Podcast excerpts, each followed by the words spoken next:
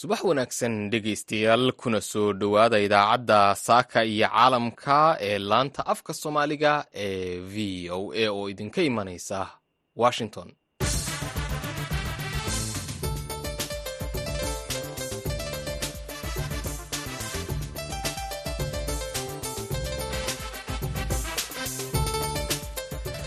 aroor wanaagsan dhegaystayaal meel kasta oo aad joogtaan waa subax khamiis ah koob iyo tobanka bisha januari ee sannadka labada kun iyo afar iyo labaatanka. Waxaadna naga dhegaysanaysaan muwjadaha gaagaaban ee lix iyo tobanka iyo sagaal iyo tobanka mitirban iyo f m-yada geeska afrika iyo bogga welibana v o a somaali com oo caalamka oo dhan aad nagala socotaan saacadda afrikada bari waa lixdii iyo badhkii subaxnimo idaacadda saaka iyo caalamkana waxaa idinla socodsiinaya aanu ah ismaaciil xuseen farjar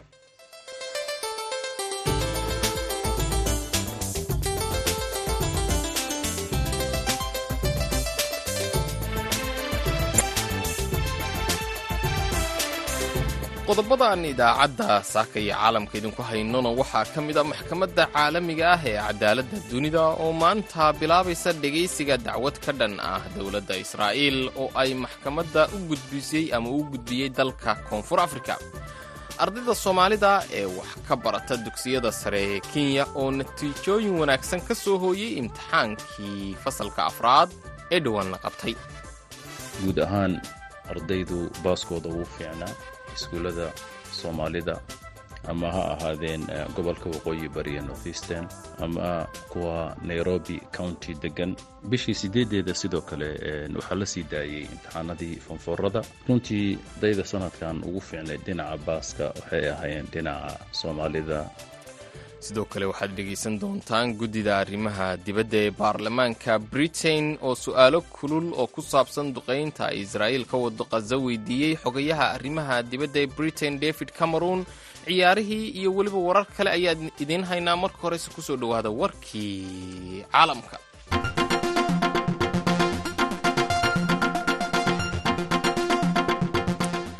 xogayaha arrimaha dibadda ee dalkan maraykanka antony blinken ayaa ka digay halista ka dhalan karta weerarada sii socda ee xuutiyiinta yeman ay ku qaadayaan maraakiibta maraysa biyaha badda cas xilli uu ku guda jiro safarro diblomaasiyadeed oo uu doonayo in lagu xakameeyo dagaalka ka socda khaza in aanu ku faafin gobolka xogaye blinken oo ku sugan baxrayn ayaa sheegay in ay maalmahan ugu dambeeyey dhaceen weeraradii ugu waaweynaa oo loo adeegsaday diyaaradaha iskood isu wada isaga oo tilmaamay in iiraan ay tahay cidda ka taageerta xuutiyiinta yeman dhinaca farsamada casriga ah qalabka sirdoonka iyo weliba xogaha in ka badan labaatan dal oo ay ku jirto baxrayn ayaa ballan qaaday in ay qayb ka noqon doonaan howlgal lagu ilaalinayo madax bannaanida safarka dhinaca badda ee badda cas.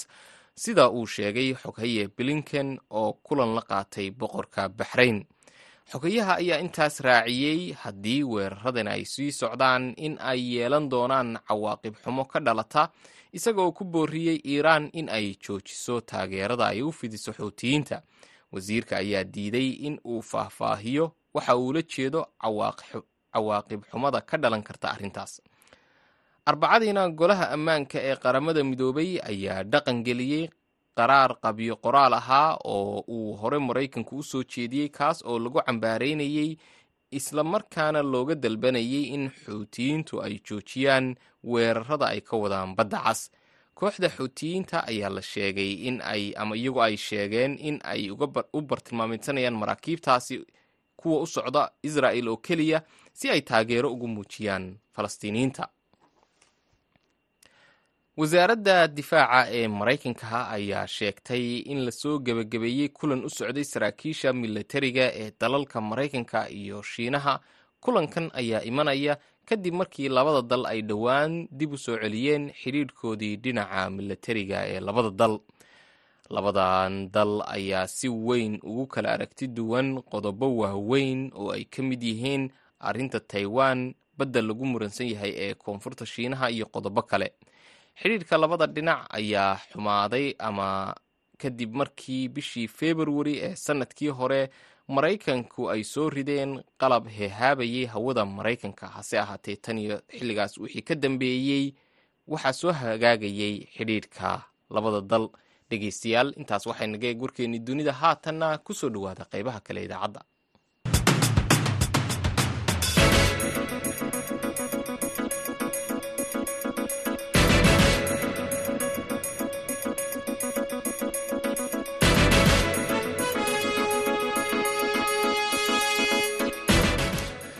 subax wanaagsan dhegeystayaal meel walba oo aad nagala socotaan aan ku bilownay maanta oo khamiis ah ayaa lagu wadaa in maxkamadda caalamiga ah ee cadaaladda ee loo soo gaabiyo i c j ay bilowdo dhegeysiga dacwad ka dhan ah israa'iil taas oo ay maxkamadda u soo gudbisay dowladda koonfur afrika koonfur afrika ayaa ku eedeysay israa'iil in ay khaza ka geysatay dembiyo dagaal oo ka dhan ah falastiiniyiinta ku nool khaza islamarkaana ay jebisay heshiiskii caalamiga ahaa ee xasuuqa ee sannadkii iyo sideed iyo afartanadii south africa ayaa sidoo kale ugu baaqday garsoorayaashu inay israa'iil ku amraan in ay si deg deg ah u joojiso howlgallada militari ee khaza dhammaan eedaha ay south africa soo jeedisay ayaa waxaa beenisay israa'iil iyada oo sheegtay in ay koox qareenna ah oo iyada mateliya ay u dirtay xarunta maxkamadda i c j ee magaalada heeg ee dalka holland. Afhayeenka dowladda israa'iil ayaa arbacadii sheegay in israa'iil ay maanta ka soo hor muuqan doonto maxkamadda caalamiga ah ee cadaaladda si ay isaga difaacdo buu yidhi. Aflagaado dhiig leh oo uga timi koonfur afrika dacwaddan oo la filayo inay qaadato muddo sannada ah ayaa qaybteeda hore ay socon doontaa maanta iyo berri waxaana lagu furi doonaa dhegeysiga eedaha ay soo jeedisay koonfur afrika. Brazil iyo colombiya ayaa goor dambe oo arbacadii shalay ahaa taageeray kiiskan dacwadda ah ee ka dhan ah israa'iil. Haddaba israa'iil iyo khaza wararkooda ayaan weli ku jiraaye xogayaha arrimaha dibadda ee britain david cameron ayaa sheegay inuu walaac ka qabo in ay dhici karto in israa'iil ay jebisay shuruucda caalamiga ah dagaalka ka socda khaza david cameron ayaa hadalkani ka soo yeedhay xilli su'aalo lagu weydiinaya aqalka hoose ee baarlamaanka britain warbixin amuurtaas ku saabsanna waxaa london ka soo diray wariyaha v o a qaaradda yurub cabdixaafid cawil ismaaciil david cameron oo ah xogayaha arrimaha dibadda su'aalaha waxaa weydiinaya guddida arrimaha dibadda sidooda ayay su'aaluhu u kululaayeen. Waxaana la weydiiyey su'aalo ay ka mid yihiin in israa'iil ay jebisay shuruucda caalamiga ah kadib markii ay biyaha ka xidhay qasa duqaynta cusbitaalada iyo joojinta gargaarka. Cameron marar badan ayuu isku dayay inuu jawaabihiisa gaabiyo ama uu ka warwareego laakiin alicia kenis oo ah guddoomiyaha guddida arrimaha dibadda ma ay siinin fursad david cameron waa xogayaha arrimaha dibadda ee britain ayaa sheegay in talada sharci yaqaanadu ka siiyeen xaaladda kaysa ay u ekayd in israa'iil ay raacayso shuruucda caalamiga ah laakiin ay jiraan su'aalo u baahan in laga jawaabo. Mar la weydiiyey xogaye cameron in ay dhici karto in dacwad ka dhan ah israa'iil lagu qaadi karo maxkamadda dembiyada caalamiga ah ee heeg ayuu ku jawaabay inay dhici karto britain waxa ay ka mid tahay waddamada sida xooga ah u taageeray inay israa'iil isdifaacda laakiin marar badan raaciyay inay tel afiif u hogaansanaato shuruucda caalamiga ah. Haddaba hadalladan markii ugu horeysay ka soo yeeray xogayaha arrimaha dibadda ee britain maxay ka dhigan yihiin? Su'aashaasi ayaan weydiiyey maxamed xasan dable oo degan magaalada lester ee dalka britain ahna falanqeeye cabdi xaafid wasiirka arrimaha dibadda ee u k ahaan jirayna ra'iisul wasaarihii hore david cameron su'aalihii la weydiiyey guddiga hortiisa ee lagu xaqiijinayey in israel ay gashay falalka dhan ah bini aadanimada iyo maxay aheeday xasuuq ay khaza ka geysatay. Runtii wuu ku raftay wuxuuna mataqaanaay ku dadaalay in uu ka leexleexdo. Hase yeeshee wuxuu ku qasbanaaday in laga soo tuuro inuu yidhaahdo waa dhici kartaa inay israel geysatay xasuuq. Arrinka wuxuu ka dhigan yahay runtii cadeymaha tirada badan ee la hayo iyo israel oo berito maxkamadda caalamiga i c j la horkeenayo south africa dacwo ka gudbisay kuna soo eedeysay in ay xasuuq ka geysatay ghaza ku soo eedeysay. Ayaa keenaysa iyo maxay aheeday dunida oo dhan oo mataqaanay aragto waxa dhacahayo in aan la qarin karin la dabooli karin wax iska cadna uu yahay ayaa keenaysa. Marka wax la sii difaaci karo inaynan ahayn waxa ay israel samaynayso ayaa cad taasay ka dhigan tahay taana cid kastoo isku daydo in ay macnaha taageerto israel ay ku taageerto ceeb baa ka soo raacaysa. Marka taas ayaa keentay xoghaye david cameron ayaa iyada oo ay ka muuqato in su'aalaha la weydiinaya ku adag yihiin ama uu ka warwareegayo inuu si toos ah uga jawaabo ayaa sheegay inuu ka walaacsan yahay inay israa'iil ay qaaday tallaabooyin ay dhici karto in ay ka dhan yihiin shuruucda caalamiga ah. Waxa uu sheegay in mar kasta ay jiri karaan su'aalo ka iman kara marka la eego shuruucda caalamiga ah haddii meel la duqeeyo. Waxa uu sheegay inay qareenadu eegi doonaan oo talo ay ka siin doonaan waa markii ugu horeysay ee guddida arrimaha dibadda ee baarlamanku wasiir su'aalo ka weydiiyaan dagaalka qasa iyo shuruucda caalamiga ah iyadoo ay sii kordhayso walaaca caalamiga ah ee ku aadan dhimashada badan ee falastiiniyiinta ee ka soo gaadhay weerarka israa'iil iyo sidoo kale dhibaatooyinka bani-aadnimo ee sii xumaanaya xogayaha arrimaha dibadda ee maraykanka antony blinkan ayaa salaasadii ku booriyey hogaamiyeyaasha israa'iil inay ka fogaadaan waxyeelo kale oo soo gaadha dadka aan dagaalka ku jirin iyo in la ilaaliyo kaabayaasha rayidka. Cabdixaafid dacwiir ismaaciil v o a london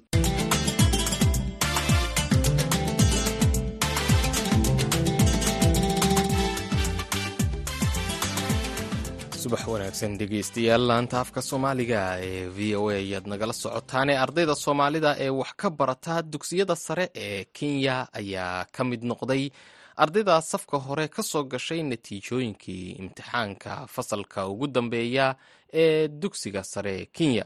Sidoo kale iskuullada ay soomaalidu maamusho ee magaalada nairobi ayaa iyana ay ardaydu guulo ka soo hooyeen warbixin arintaas ku saabsan waxaa nairobi ka soo diray wariyaha v o a khadar maxamuud xareed dalka kenya waxaa si nabadgelyo ah dib loo furay iskuullada waxbarashada ee sanadkan labada kun iyo afar iyo labaatanka kadib fasax dheer oo ay ardayda iyo iskuullada waddanku ay ku maqnaayeen labadii bilood ee la soo dhaafay. Hase yeeshee arrinta aadka loo hadalhayo toddobaadkan ayaa ah in ardayda iyo iskuullada waxbarashada soomaalida kenya ay horumar iyo guulo la taaban karo ay ka gaareen natiijooyinka imtixaanadii sana dugsiyeedkii hore ee labada kun iyo saddex iyo labaatanka ee dalka ka dhacay. Sheekh cabdiraxmaan cadaani oo ka mid ah bahda waxbarashada soomaalida kenya sidoo kalena ah maamulaha iskuullada rabani ee magaalada nairobi ayaa sharaxaya isbeddelka ku yimid tayada waxbarashada soomaalida ee dalka kenya waxa uu yahay. Waxaa la sii daayay imtixaanadii foonfoorada ee sanadka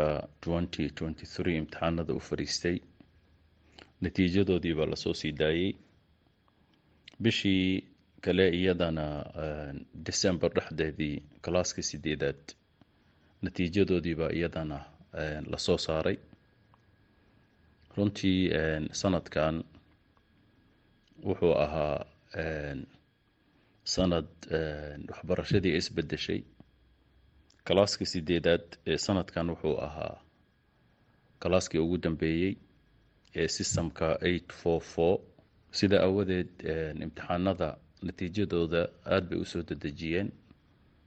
Runtii khaladaad badan wuu ka dhacay laakiin guud ahaan ardaydu baaskooda wuu fiicnaa.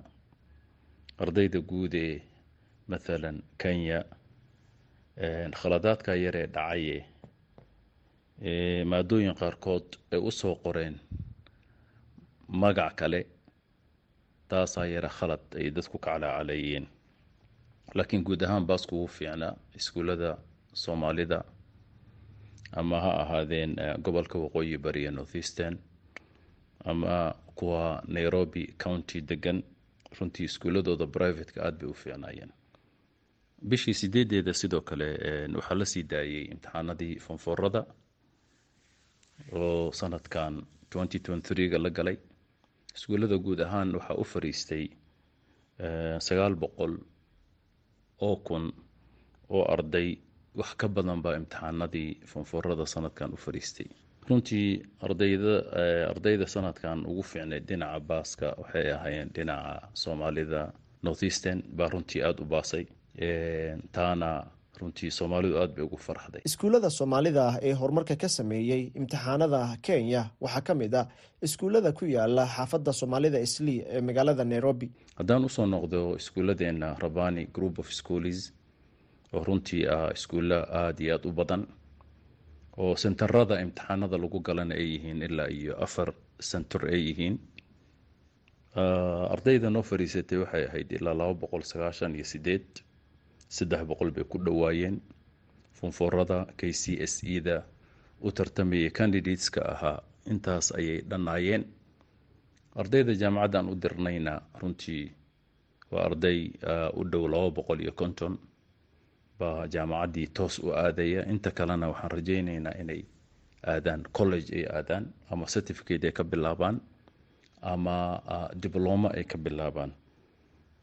Taana waxaad garan kartaa marka in sanadkan ardaydu ay aada iyo aada u dadaaleen. Inkastoo marmar ay jiraan cilado soo baxaya oo ardaydii waxaa dhici karta ardaydii oo dadaalaysay oo rajaynaysay inay si fiican u baasaan in markii imtixaamka la saxayay lagu yara adkeeyo oo ay wax ka goostaan maadooyin ay ka goostaan undermarking baa la dhahayo aynan si fiican u saxin.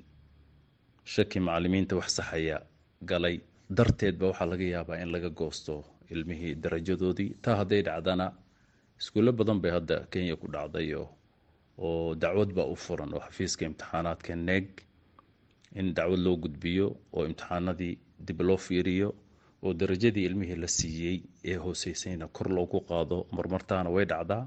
Fa kulli xaal waxaan u hambalyeynaynaa ardayda sanadkan funfurada u fariisatay guud ahaan qaar ahaan gaar ahaanna ardayda muslimiinta ah iyo kuwa soomaaliyeed ee sida fiican u baasay.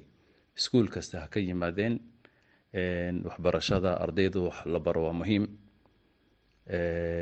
Baaskooda in lagu farxana sidoo kale waa shay aada u fiican kuwa markaa hoos u dhacayna. Waxaan leenahaa niyad jabina certificate baad samayn kartaan diblomaad samayn kartaan kadibna digrigiinii waa toos baad u gelaysaan hawshaana waa sidaa hambalyaan leenahay ardayda iyo iskuullada waxbarashada soomaalida kenya ayaa waayadii hore caqabado kala duwan kala kulmi jiray natiijooyinka imtixaanada waddanka. Hase yeeshee arrintaasi ayaa meesha ka baxday sannadihii ugu dambeeyey kadib markii soomaalida kenya ay ka hergeliyeen waddanka iskuullo waaweyn oo waxbarasho kuwaasoo tayadooda waxbarashaduna ay la mid tahay amaba ay ka sii xoog badan tahay iskuullada kale ee gobollada waddanka kenya ku yaalla khadar maxamuud xareed v o a nairobi weli wararka kenya ayaan ku jiraayo waxaa si weyn u kala duwan dhaqannada bulshooyinka. Waxyaabo laga yaabo inay meelaha qaarkood caadi ka yihiin ayaa meelo kale u ah waxyaabo aan laga soo dhoweyn wariyaha v o a yaasiin ciise wardheere ayaa la sheekaystay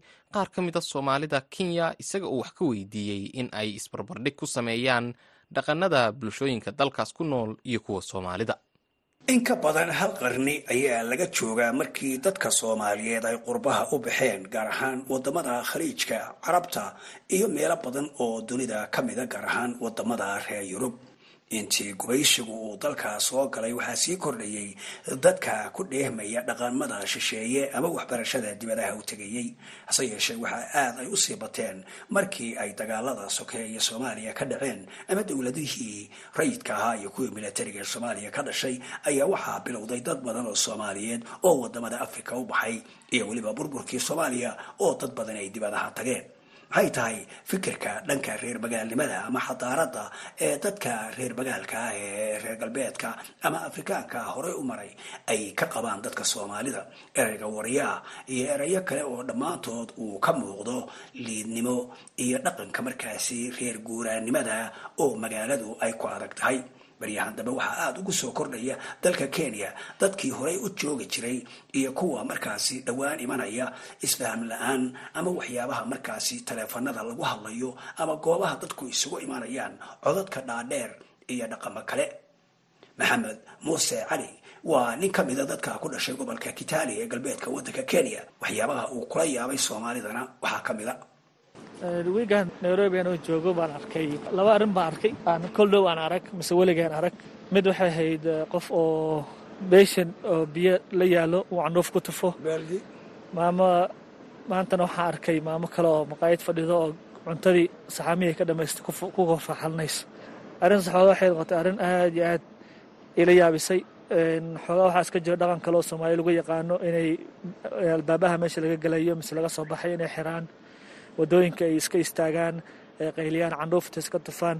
Waxyaalo dhaqan horey ani ahaan hadda iguma cusbo aan u arkay laakiin xoogaa toddobadan beri waxaan arkay xoogaa waxay igu noqotay arrin aad iyo aad aan aan oola yaabay. Qof horta saxan ku kor dhaqanayo iyo qof biyo meel la yaalo candhuuf ku tufay. Aad aad arrin aad iyo aad arrin xun weeyaan. Wallahi horta waxaan dhihi lahaa dadka muhiimadda dadka horta dad islaam baan nahay akhlaaqna waan leenahay. Waxyaale waxaa jiro oo xoogaa dhaqan ahaan diin ahaan fiicnayn. Una qof biyo meel la yaalato ku tufo waa arrin aad iyo aad u xun. Waxaan dhihi lahaa muhiimadda waxa weye in diinta lagu noqdo iyo dhaqankii lagu noqdo. Muhiimaddan waxa weye dadka la fadhidid iyo meesha aad joogto inaad inaad inaad aad iyo aad u fiirisid. Dadka la fadhidid dad noocee weeye see weeye meesha. Environmentka fadhida aad iyo aad bay muhiim u tahay qofku inu ogaado. Intaasaan kula talin lahaa waxyaalo aad guriga ku samaysay aad moodaysa inay caadi kula tahay. Meelo qaarkood haddaa loo arrin aad iyo aad u wanaagsan maahan marka intaasaan kula talin lahaa inay aad iyo aad waxyaalahaas camal iskaga ilaaliyaan cabdulaahi oo isagu markii hore soomaaliya ka yimid balse ahaa dadkii ku dhaqnaa magaalooyinka ay caasimada muqdisho ka mid tahay oo horey ula yaabanaa dadka soomaalida ee reer guuraaga marka ay magaalooyinka soo galaan ayaa haddana tilmaamaya waxyaabaha dhaqan xumada ee uu ku arkay dadka soomaaliyeed ee kenya. Imanaya horta dadka meeshan jooga waa dhaqan qaab daro badan bay ku dhaqmaan dadka badankooda asalkooduna waxa waaye meel bay ka soo jeedaan. Sababto soomaalida waxay tiraahdaa dhar magaalo sida loo qaato way saaranta lakiin dhal magaalo sida loo noqdaa way adag tahay. Dadkaanu muuqaalka ka muuqdaan maahine laakiin gudaha hoose dheber bay ka yihiin. Marka wuxuu u baahanya in la baraarujiyo in wax loo sheego la yiraahdo niyo sidaan dhaqankan meesha lagama yaqaane dhaqankan wax iska bedela dadkaanu see noo arkayaan markaa dadka waddankan jooga. Dadkan waa nala yaabin bas marba haddayna arkaanba waryaaba intay ku yidhaahdaan bay ku leeyahay waryaaba dhaqankooda saanay naga dhaqaashay bay yidhahdaan macnaha ereyga waryaaga waxa waaye waa erey qaabdiro badan oo soomaalidu laga arkay siday u dhaqmayaan. Markay telefoon ku hadlayaan markii guryaha markay maqaayadaha iskugu yimaado waa ka duwannahay dadka kale.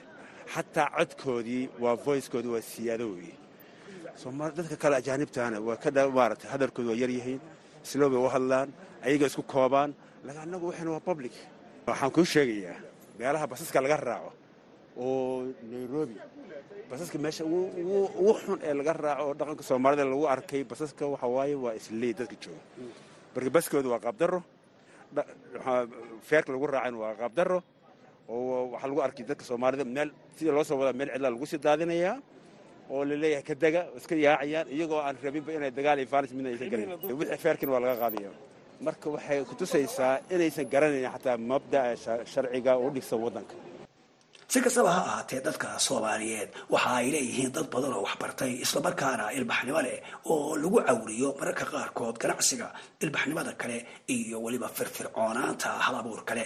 Hase yeeshee waxaan weli ka salguurin qaar badan oo iyaga ka mid ah khaldaad la xiriira reer miyinimo ama inta badanba reer miyigu waa dad wanaagsane. Aad arkaysa dhaqamo ay kala yimaadeen reer guuraannimada oo weli ku adag magaalooyinka. Yaasiin sawar dheere v o a nairobi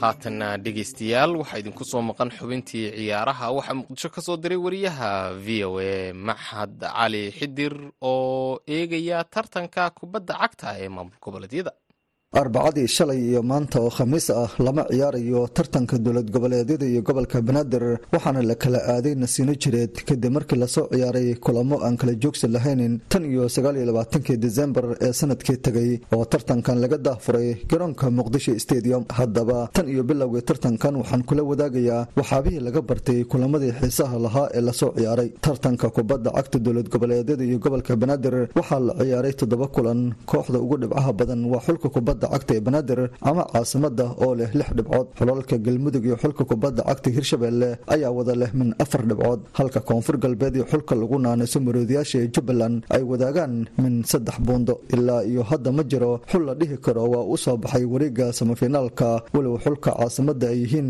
kuwo rajo wanaagsan ka qaba inay u soo baxaan wareega nag outka ama bugbaxda maadaama ay hogaaminayaan tartanka. Xulka kubadda cagta ee jubbaland ayaa kor u soo kacday kadib markii ciyaar ay la dheeleen hirshabelle guuldaro laba iyo eber ah faraqa u geliyeen taasoo baasiin ku sii shubtay xiisaha tartanka. Xulka kubadda cagta ee jubbaland ayaa gebi ahaanba macsalaamin lahayd tartanka haddii ay guuldaro kala kulmi lahaayeen xulka kubadda cagta ee hirshabelle waa kan gudoomiyaha xiriirka kubadda cagta ee jubbaland cumar maxamed oo sheegaya in ay badbaadiyeen xilkiisa xidigaha jubbaland ee guuldarada garka u geliyey ciyaartoyda hirshabelle guushaan waxay nooga garaynay laba geem waxaa khatar ku jirtay in shaqadii aan tiimka ka wadnay sida lagu yaqaanay jubbaland suurtagal ma ahayn inaan ku sii joogno sidaas haddii aan la helin guushii maanta ilaahay namadkansiiyey ciyaartu waa cad iyo madow annaga kow ma joogno.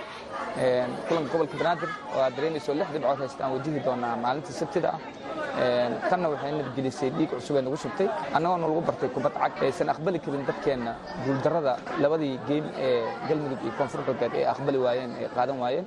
Waxaana keenaayo taariikhiyan inaan nahay hooyada kubadda cagta soomaaliyeed uu yahay gobolkaas koobab sagaalana ay yaalaan hablaha iyo wiilasha taageera xulka kubadda cagta ee jubbaland maxay ka yidhaahdeen guushii ugu horreysay oo ay ka gaareen xulka kubadda cagta hirshabelle iyo kulanka dhimashada ah oo ay la leeyihiin xulka caasimadda reenayso. Weligeenba laba kulan la dheeli jirno maxaa noo hartay? Banaadir banaadir insha allah sidaa hirshabelle yaan la yeeli doonaa banaadir cabsi cabsi banaadir hirshabelle saa la ubuusna fahanta insha allah guul. Jubbaland weligeed hore u soconi. Guroodayaasha allah nimankaan insha allah guuliga wadnimo shucuurteeda ma la soo koobi karo. Waa u jeedaa farxad iiga muuqato ma fahante kulanka xigoo banaadir waxaa leeyahay hirshabelle hirshabelle wax iga qaban weysa banaadir ma iga qaban iskoobiyin uma kabadraa guul koobkaan kismaayaa ka dejinaya jubbaland ka dejinaya hooyaday macaana fadhigeeda u keenaya. Aad ugu farxanay guushaan gaadhnay ciyaartooy quruxda badan ciyaartay soo bandhigeen waa la dhacay. Waxaan rajaynaa guul guushan ka sii sarraysa inaan gaadhno. Jubbaland guulaan rajaynaynaa koobka waxaa la geenaya kismaayaa la geenayaa bu'aalaa la geenaya meel walbaa la geenaya kismaayo tartanka kubadda cagta maamul goboleedyada soomaaliya intii uu socday waxaa la iska dheliyey labaatan gool shan gool waxaa dhalisay jubbaland shan kale waxaa shabaqa gaartay galmudug halka hirshabelle iyo banaadir ay iyaguna tartanka ka dhaliyeen min afar gool. Xulka kubadda cagta koonfur galbeed soomaaliya ayaa ah xulka goolasha ugu yar ka dhaliyey tartankan waana laba gool oo ay ka dhaliyeen xulka jubbaland. Dhammaan kulamadii la soo ciyaaray waxaa la bixiyey kaararka ganaxyada shan iyo labaatan jaalle oo lagu daray hal kaar oo casaan ah. Kulamada ugu soo horreeya waxaa la kala ciyaari doonaa jimcada iyo sabtida waxaana kulanka ugu soo horreeya isfarasaari doona jimcada xulalka galmudug iyo xulka kubadda cagta koonfur galbeed sabtidana waxaa iswajahaya banaadir iyo jubbaland xulkii laga badiyo kulamadan waxa ay qalqiil gelin doontaa sii joogitaanka tartanka kubadda cagta dowlad goboleedyada iyo gobolka banaadir mahad cali xidir v o a muqdisho. Aad buu mahadsan yahay mahad cali xidir oo warbixintaasi nala socodsiinayey codkaas. Idinku soo maqlina wuxuu gebagabo yahay idaacaddeenii subaxnimo heestaas ayaan idinkaga tegaynaa anoo ah ismaaciil xuseen farjar iyo weliba dhinaca farsamada oo nuur xasan nuur inoo joogay. Tan iyo intaynu idaacadda duhurnimo kulmayno waxaan idinkaga tegaynaa codkaas